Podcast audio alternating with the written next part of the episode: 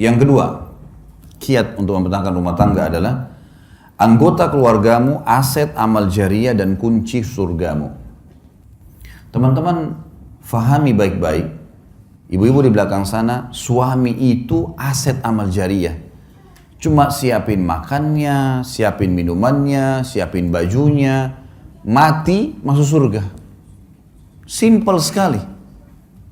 Bapak-bapak eh, fahami, uang yang hasil keringan kita dikasih ke istri, dikasih ke anak, dikasih ke orang tua.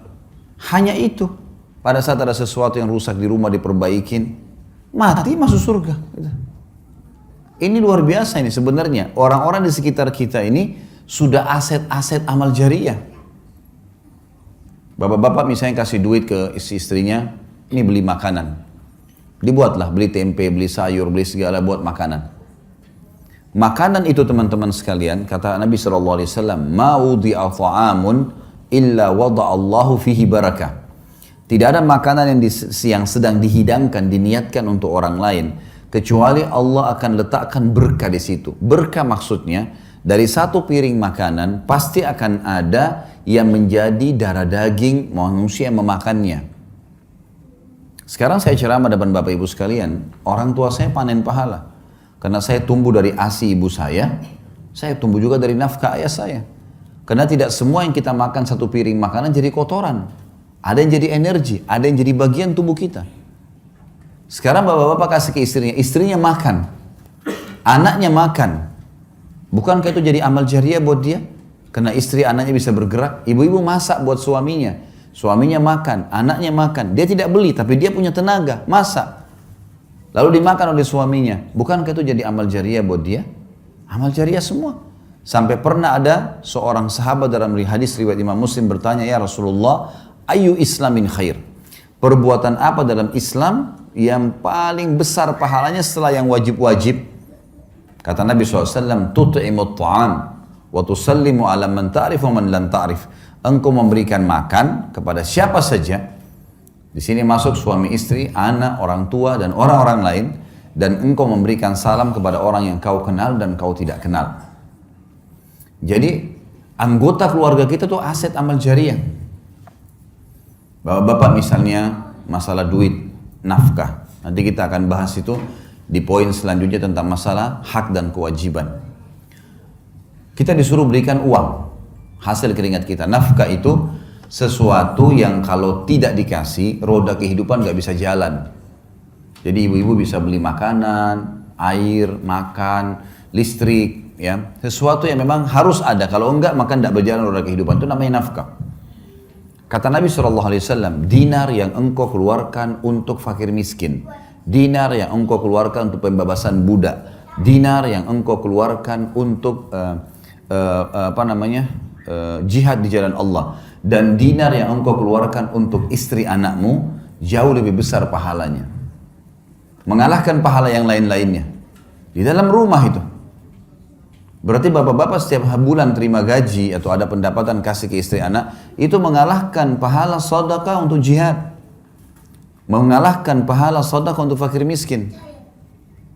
Tapi bukan berarti hadis ini ibu-ibu misalnya bilang, nah itu kan ada hadis tadi, Berarti semua gaji suami harus saya pegang. Bukan itu maksudnya ya. Karena kita bicara masalah nafkah ya. Nafkah itu yang kalau gaji suami 5 juta misal contoh. Lalu suami yang bijak, saya melakukan hal itu pada istri saya. Disusunlah kebutuhan rumah. A, B, C, D, F, G, A sampai sekian. Oh ternyata ini contoh saja. Contoh gaji saya 5 juta. Oh ternyata kebutuhan rumah 4 juta. Ini 4 juta ya, nafkah rumah. Ini 500 ribu bonus buat kamu karena kamu sudah bantu bersihin rumah segalanya. 500 ribu yang sisa, suami punya hak mengelola.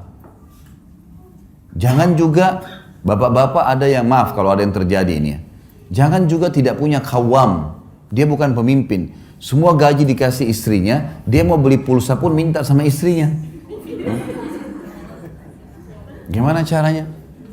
Beliin saya pulsa. Loh kok lucu itu? Kok malah dia minta sama istrinya? Gak boleh. Mestinya dia bisa punya kawam. Dia yang beliin istrinya iya, harus punya kemuliaan. Nanti kita bahas di sini masalah kenali karakter pasangan. Ada poin-poin setelahnya. Jadi ibu-ibu punya hak di sisi nafkah, tapi ibu-ibu tidak punya hak lebih daripada itu. Kalau lebih sunnah, sebagaimana bapak-bapak tidak punya hak di harta pribadinya ibu. Misal ibu-ibu di sini ada sebelum nikah sudah punya usaha, atau setelah nikah dapat warisan dari orang tuanya. Tidak bisa suaminya bilang, kamu kan sudah 10 tahun saya nafkahi, ini dapat warisan 200 juta bagi dua ya.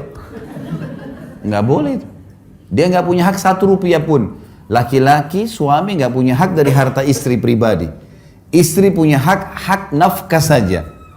Lebih daripada itu sunnah, bukan kewajiban. Ini nanti kalau memahami secara benar seperti batu bata yang kita letakkan di tembok bangunan maka akan rapi kalau benar semuanya. Tapi yang jelas, sekarang kalau laki-laki mau menjadikan aset amal jariah, apa pun hasil keringatnya diberikan kepada istri anaknya adalah sodaka yang paling besar. Wanita misalnya, ibu-ibu di belakang sana. Apa kata Nabi SAW? Kata kunci sederhana masuk surga.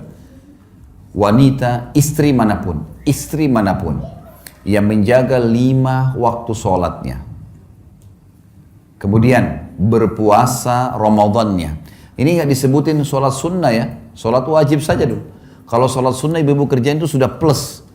Sholat lima waktu, azan langsung sholat, subuh sampai isya. Kemudian yang kedua tiba Ramadan, puasa Ramadan, belum dimasukkan puasa sunnah. Dan dia mentaati dan melayani suaminya pada hal yang ma'ruf. Ma'ruf ini maksudnya bukan melanggar agama. Kecuali pada saat dia meninggal, dia boleh masuk, dia boleh pilih delapan pintu surga yang mana dia mau masuk. Hanya tiga hal saja. Sederhana sekali kita bisa menjadikan rumah tangga kita sebagai aset amal jariah. Orang-orang ini nih, suami istri, orang tua, mati ya.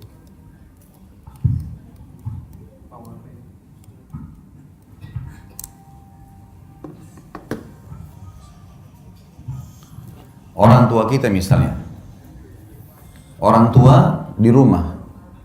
Tinggal kita berbakti dengan mereka. Berikan mereka sesuatu yang terbaik. Gitu kan? Ini di rumah tangga, keluarga kita. Maka kita sudah bisa panen surga. Ya kan? Allah menjadikan bakti dengan kedua orang tua setelah iman kepadanya. Anak-anak, lahir kita nggak bisa milih, sebagaimana orang tua nggak bisa kita milih. Saya nggak mau ibu ini, saya nggak mau ayah ini, nggak bisa. Kita lahir ini ibumu ini ayahmu, seburuk apa pun mereka. Begitu juga anak yang lahir, begitu keluar laki-laki, perempuan, sehat, uh, sakit kah, apalah, ya, warna kulitnya seperti apa, paras wajahnya, lahir ini anakmu. Dan semua digantungkan variabel hak-hak dan kewajiban di sini. Sekarang anak-anak bisa jadi aset amal jariah. Mengajar mereka jalan, mengajari mereka kalimat-kalimat, memberikan nama yang baik, selama nama itu dipanggil, selama mereka bisa jalan, semua jadi amal jariah. Jadi ini kiat yang harus kita fahamin teman-teman sekalian, kalau anggota keluarga kita itu adalah aset amal jariah dan kata kunci untuk masuk ke dalam surga.